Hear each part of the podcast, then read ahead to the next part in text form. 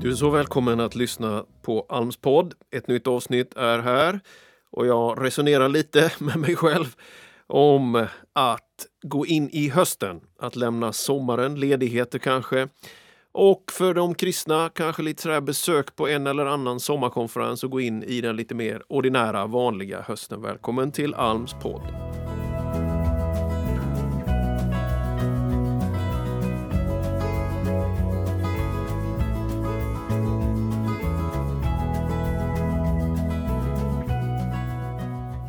Man får säga att vi eh, lever hyfsat terminsbundna i Sverige. Vårens och höstens schema inrutat för många i alla fall med skolor, aktiviteter av olika slag och inte minst kanske då arbete. Det är klart att en del står utanför allt det där och, och, och lever på ett sätt friare men kanske också pressad av att inte ha ett jobb. Vad vet jag? I alla fall så har det varit en sommar där eh, vi som är kristna i ganska hög utsträckning också kampar lite, drar ut från stan och besöker en och annan konferens. Jag har faktiskt själv varit med på sex konferenser och ska på en till innan konferenssommaren är strax avslutad. Själv är jag ju egentligen inte sådär jättemycket för konferenser om man ska ha handen på hjärtat och ändå munnen öppen. Jag jag dras egentligen inte till det som någon extremt stor, jätteviktig händelse i min vandring med Jesus, utan för mig är ju lunken, vardagen med och i församlingen, det allra, allra viktigaste när det gäller gemenskapen med andra. Också då såklart det personliga, det fördolda, det innerliga, det ensamma med Gud. Men konferenser har ju ett syfte. De, de, kan vara som en oas eh, för en del som kanske kommer från ett sammanhang där man tycker att man inte får det där stora formatet, eh, hänförelsen, glädjen, många som är samlade. Det är klart att konferenser har ett värde. Men de kan aldrig ta församlingens plats såklart. Konferenserna kan ha ett värde att också bygga relationer, lära känna nya människor, få impulser som är kanske såväl nationella som internationella och eh, man tar in nya intryck och någonting utvecklas också genom konferenserna. Jag, jag gillar inte om konferenser blir nostalgiska och, och bakåtblickande utan de ska vara en hjälp i en framtidsprogression. Det, det tycker jag definitivt. Jag är väldigt glad för alla människor jag mött den här sommaren på konferenser. Det är många som har blivit frälsta, det är många som har blivit andedöpta. Jag tror att det, det har betytt mycket för många. Jag har varit allra flest dagar på Nyhem och på Lappis då, men även på en del andra sammanhang som till exempel LP-verksamhetens sommarkonferens, som Oasrörelsen, som en Israelkonferens. Nåväl, jag har fem tips med mig, eller fem förslag till dig för hösten att eh, gå in i. Och jag tänker att de här fem förslagen eh, har en nytta nytta och en konkretion och eh, ett värde både för dig och den församling du förhoppningsvis tillhör. Första tipset är säkra söndagen, det andra är varje andetag behövs, det tredje är att äta sunt, det fjärde är att röra på sig och det femte är att dela på sin tidslinje. Så vi kör väl igång här, kommer fem förslag för en god höst. För det första då, att säkra söndagen. Jag tillhör ju de som menar att det är skapelsegivet och bibelförankrat att ha den här regelbundna rytmen att var sjunde dag vila från det ordinar, ordinarie arbetslivet eller aktiviteten för att vara med Herren. Söndagen är Herrens dag, den är hans gåva till oss. Det är inte så att vi är till för sabbaten, säger Jesus, men sabbaten eller vilodagen är till för oss. Så det finns någonting av en frihet runt detta, en frihet att använda väl. Redan efter Jesu uppståndelse på påskdagen så etableras denna goda söndagsvana, uppståndelsens dag. Han uppenbarar sig, han visar sig för lärjungarna, för Thomas till exempel, för lärjungaskaran och han gör det flera söndagar i rad, påskdagen inkluderad. Så vi har allt sedan dess, allt sedan skapelsen med oss den här söndagsrytmen eller den här sjunde dagen att vara tillsammans och att vara tillsammans inför Gud. Jag vet att Billy Graham han, han sa när han skulle gifta sig med Ruth Graham, sin fru, att han, han undrade om han kunde gifta sig med en så andlig person för hon bad på lördagskvällarna för sin pastor och för predikan på söndagen. I det gamla, både bibliska, judiska sammanhanget men också i vårt gamla bondesamhälle och så, så, så inleds ju helgen egentligen lördag klockan 18 skulle man kunna säga. Helgmålsringningen.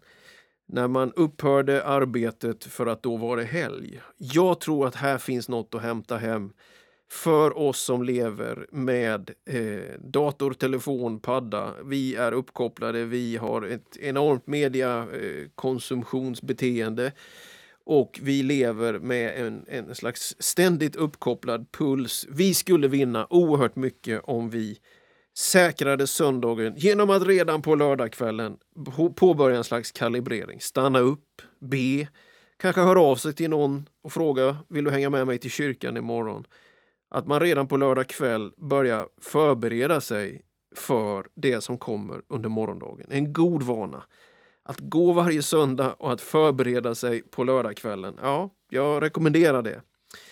Jag rekommenderar också att man faktiskt eh, prioriterar gudstjänsten på det sättet att man kommer i god tid, att man kommer eh, med en hållning av att själva gudstjänsten börjar långt före själva gudstjänstfirandet. Att det är viktigt att man är med från början, det är viktigt för en själv men också för andra människor som är där. Att man får en känsla av tillhörighet och utrymme att växa in i gudstjänstfirandet. När vi sedan kommer in i gudstjänstmiljön och det ser ju olika ut, olika format, såväl inom bara pingströrelsen och frikyrkorna och de äldre historiska kyrkorna såklart firas gudstjänsten på olika sätt och det är egentligen inte ämnet för den här podden utan det är själva hållningen att vara gudstjänstfirande som är mitt ärende i det här första rådet.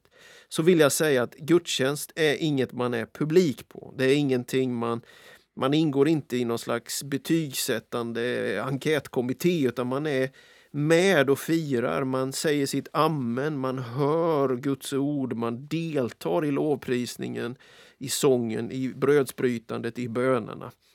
Och när, när, när dop sker så, så vill vi att det ska ske allra helst mitt i gemenskapen.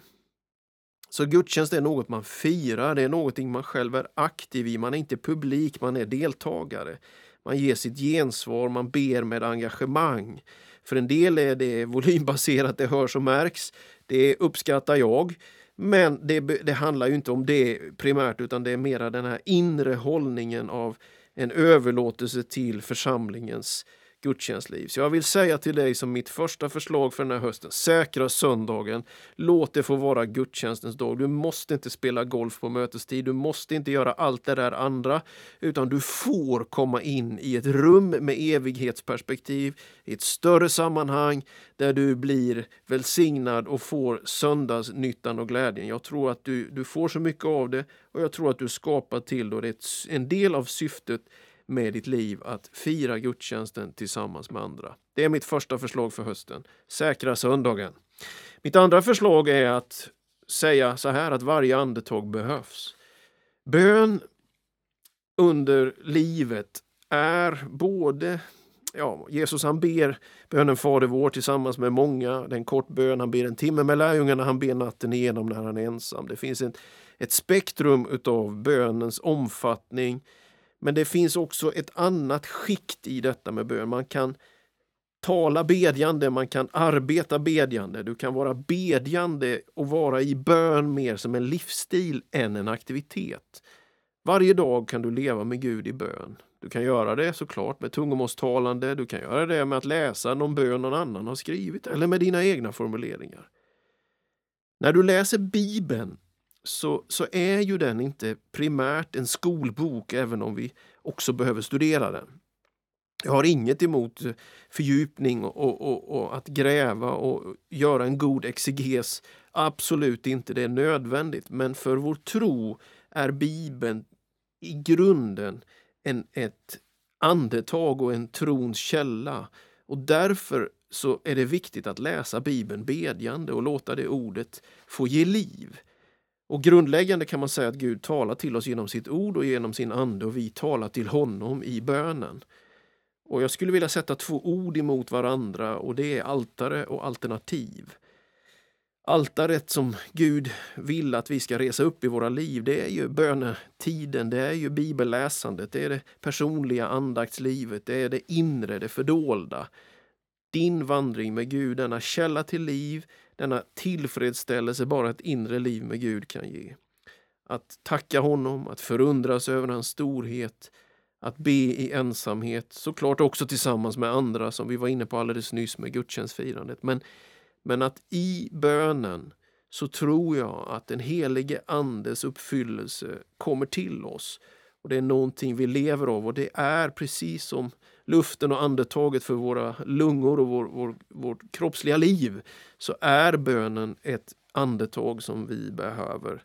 Så jag skulle uppmuntra dig för det andra då att försöka att utvecklas i bön som en livsstil mer än bara en aktivitet.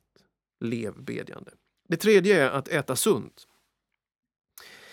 Och att äta sunt i det här sammanhanget handlar om vilken undervisning man tar del av. Vi vet att det är inte så bra att bara käka dessert, det är inte så bra att bara käka halvfabrikat till vår kropp. Och jag tänker att när det gäller förkunnelse och undervisning så är det faktiskt så att eh, vi behöver fundera lite grann över hur och vad vi verkligen äter. Genom uppkopplingen, genom nätet, så kan du lyssna på den här podden. Och det tycker väl jag då är bra att du gör. Samtidigt så måste man vara ärlig och säga att alla valmöjligheter som uppkopplingen in, innebär ger också en mängd av potentiella problem. I Nya Testamentet så förstår vi att det, det, skulle komma en tid när människor bara vill lyssna till den undervisning som kliar dem i öronen.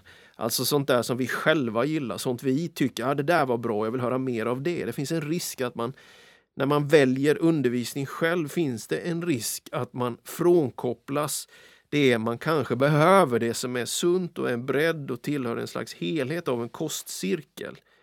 Så risken när vi väljer själva inom citationstecken, det är att vi får en för smal undervisning. Och risken är också att den undervisningen är frånkopplad en församlingstillhörighet, ett slags ansvarstagande. Så när man frånkopplar ansvar och relationer från undervisning och förkunnelse menar jag att man tar stora risker.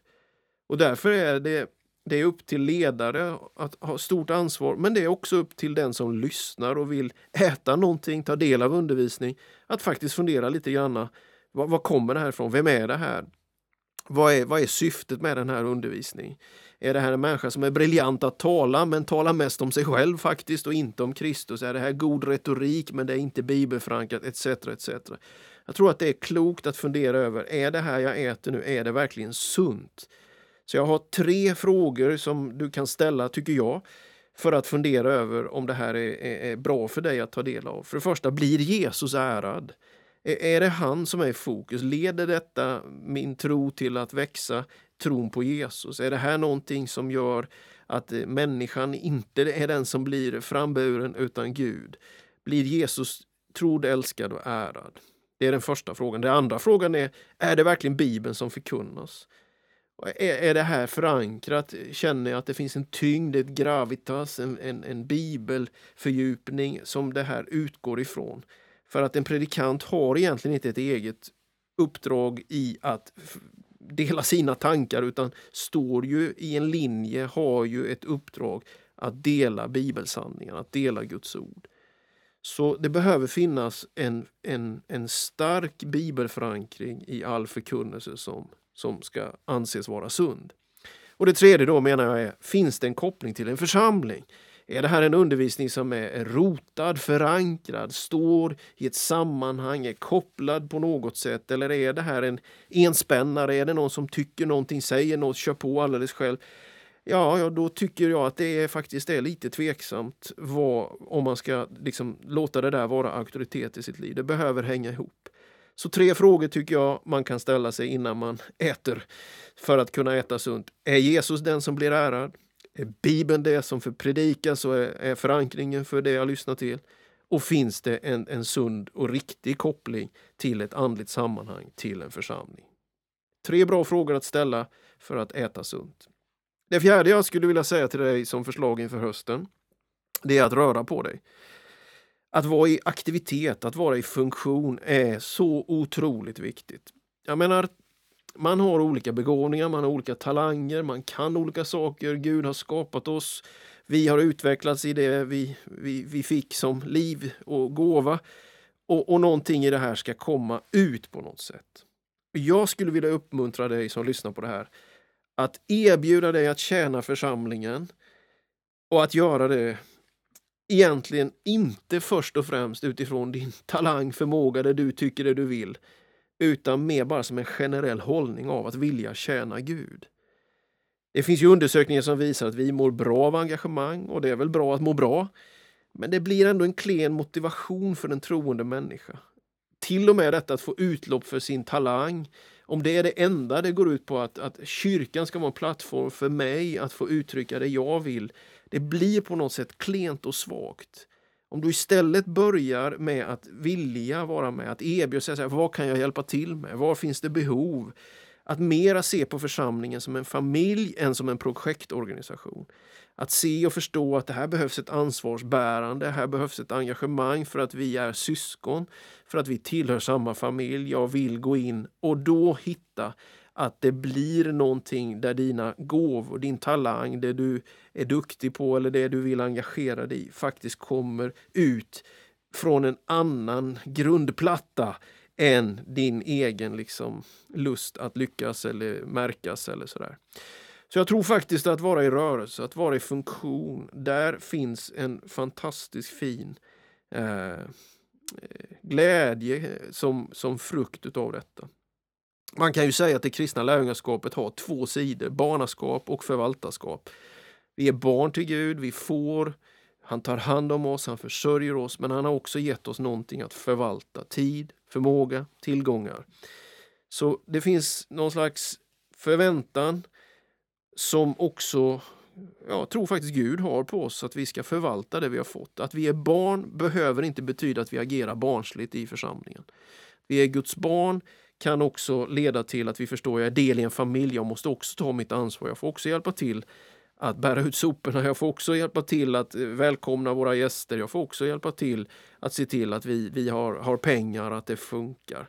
Så jag vill se så lite projekttänkande som möjligt och så mycket familjetänkande som möjligt. Att din tro får konkreta och uthålliga uttryck genom församlingen som är din andliga familj.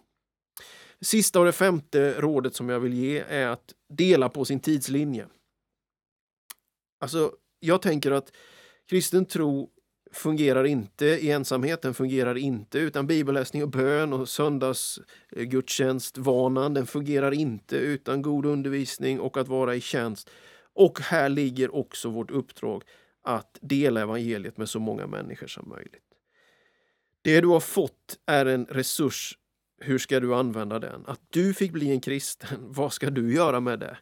Eh, någon har sagt att när du har resurser, använd då inte dessa till att bygga högre staket. Använd dem istället till att bygga ett längre bord, ett större bord. Alltså att inte hålla folk borta från dina resurser utan utvecklas allt mer i generositet och givande. Det vi har kan vi använda för att beskydda oss eller för att förmera det vi har fått. Det här tydliga sådd och skördeperspektivet som finns i Bibeln, kausaliteten, orsaken och verkan där är ett ansvar, även om inte vi alla är evangelister och har det över hela vår, vår liksom vakna timme, utan vi är en del i en församling, så är ju församlingen kallad att vara evangeliserande och vi alla kristna har detta över våra liv. Att i de små mötena agera generöst, vara någon som delar något korn, växer till i relationer och mitt i allt detta kan man upptäcka att tron får delas med en ny person. Det stora finns ju i detta lilla, att när vi delar liv och vardag med andra människor så växer tron, inte bara hos oss själva utan hos andra. Ja, nåväl, det var mina fem tips och fem förslag för hösten efter en förhoppningsvis god sommar, efter förhoppningsvis goda konferensbesök om du nu har varit på sådana. Alltså, säkra söndagen. Prioritera gudstjänstfirandet för det första. För det andra, varje andetag behövs. Lev ditt liv i bön, mer som en livsstil än bara en aktivitet. För det tredje, ät sunt, var noggrann med vad du stoppar i dig av undervisning. För det fjärde, rör på dig, tjäna församlingen, erbjud dig, var med i det som är Guds hushåll, Guds familj. Och det sista, dela på din tidslinje. I det som är din vardag, dela tron med andra människor. Så jag uppmuntrar dig, låt oss tjäna honom, den evige, han som har den sanna rätten att definiera alla våra dagar.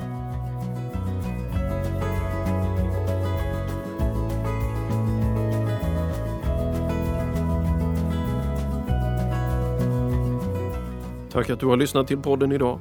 Gud välsigne dig.